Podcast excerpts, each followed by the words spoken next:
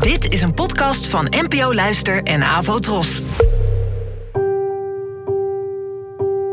Poëzie vandaag. Met Ellen Dekwits.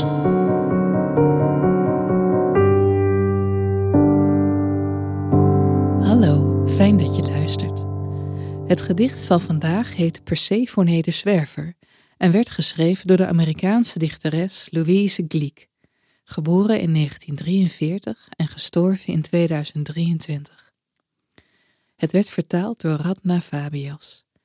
En dit keer zou ik graag vooraf iets vertellen over het gedicht. Hierin wordt de mythe van Hades en Persephone verteld vanuit het perspectief van de laatste. Velen kennen deze legende, waarin de god van de onderwereld de godin van de lente ontvoerde naar het rijk van de dood. Haar moeder, de godin van de landbouw en het graan, zwierf hierna radeloos over de aarde, op zoek naar haar dochter, en vergat zorg te dragen voor de gewassen, waardoor er een hongersnood dreigde. Wie er meer van wil weten, verwijs ik graag door naar Wikipedia. Vooralsnog is hier het gedicht, waarin een nieuwe kijk wordt getoond op een eeuwenoude mythe. Persephone de Zwerver In de eerste versie wordt Persephone van haar moeder afgepakt en de godin van de aarde straft de aarde. Dit klopt met wat we weten over menselijk gedrag. Dat mensen diepe voldoening halen uit kwaad doen, in het bijzonder onbewust kwaad doen. We kunnen dit negatieve schepping noemen. Persephone's eerste verblijf in de hel wordt nog altijd bepoteld door geleerden die het oneens zijn over de gevoelens van de maagd. Heeft ze meegewerkt aan haar verkrachting? Of werd ze gedrogeerd, tegen haar wil geschonden, zoals nu zo vaak gebeurt met moderne meisjes? Zoals algemeen bekend corrigeert de terugkeer van de geliefde het verlies van de geliefde niet. Persephone keert huiswaarts, bevlekt met rood sap, zoals een personage in Hawthorne. Ik weet niet zeker of ik dit woord zal houden. Is de aarde thuis voor Persephone? Is ze mogelijk thuis in het bed van de god? Is ze nergens thuis? Is ze een geboren zwerver? Met andere woorden, een existentiële replica van haar moeder, minder verlamd door ideeën over causaliteit? Het is toegestaan om niemand te mogen, weet je wel. De personages zijn geen mensen. Ze zijn aspecten van een dilemma of conflict. Drie delen, zoals de ziel wordt gescheiden. Ego, superego, it. Zo ook de drie niveaus van de bekende wereld. Een soort diagram dat hemel van aarde van hel scheidt.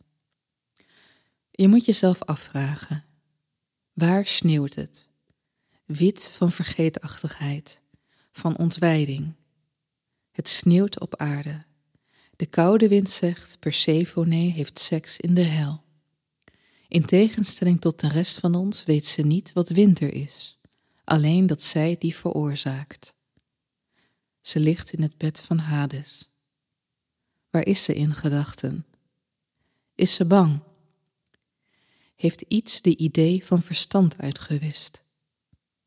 Ze weet wel dat de aarde door moeders bestuurd wordt, zoveel is zeker. Ze weet ook dat ze niet langer wat men noemt een meisje is. Betreffende opsluiting gelooft ze dat ze een gevangene is, daar ze een dochter is. De vreselijke herinneringen die voor haar in het verschiet liggen, zullen de rest van haar leven in beslag nemen. Als de hartstocht voor boetedoening chronisch is, fel, kies je niet hoe je leeft. Je leeft niet. Je mag niet doodgaan. Je zwerft tussen aarde en dood, die uiteindelijk vreemd eender lijken. Geleerden vertellen ons dat het geen zin heeft te weten wat je wilt, als de krachten die om je strijden je zouden kunnen doden. Wit van vergeetachtigheid, wit van veiligheid.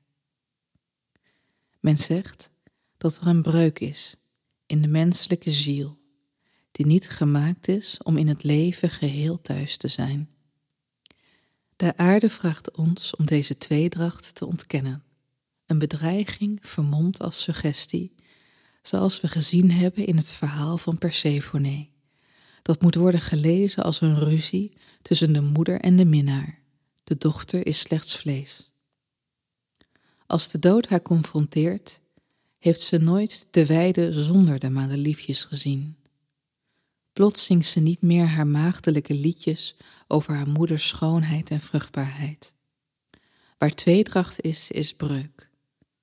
Lied van de aarde, lied van het mythische visioen van het eeuwige leven.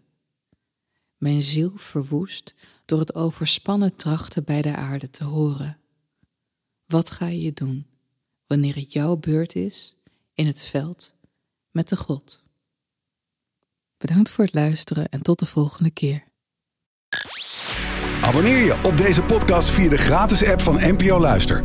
Daar vind je ook een handig overzicht van het complete podcastaanbod van de NPO. Afro Tros, de omroep voor ons.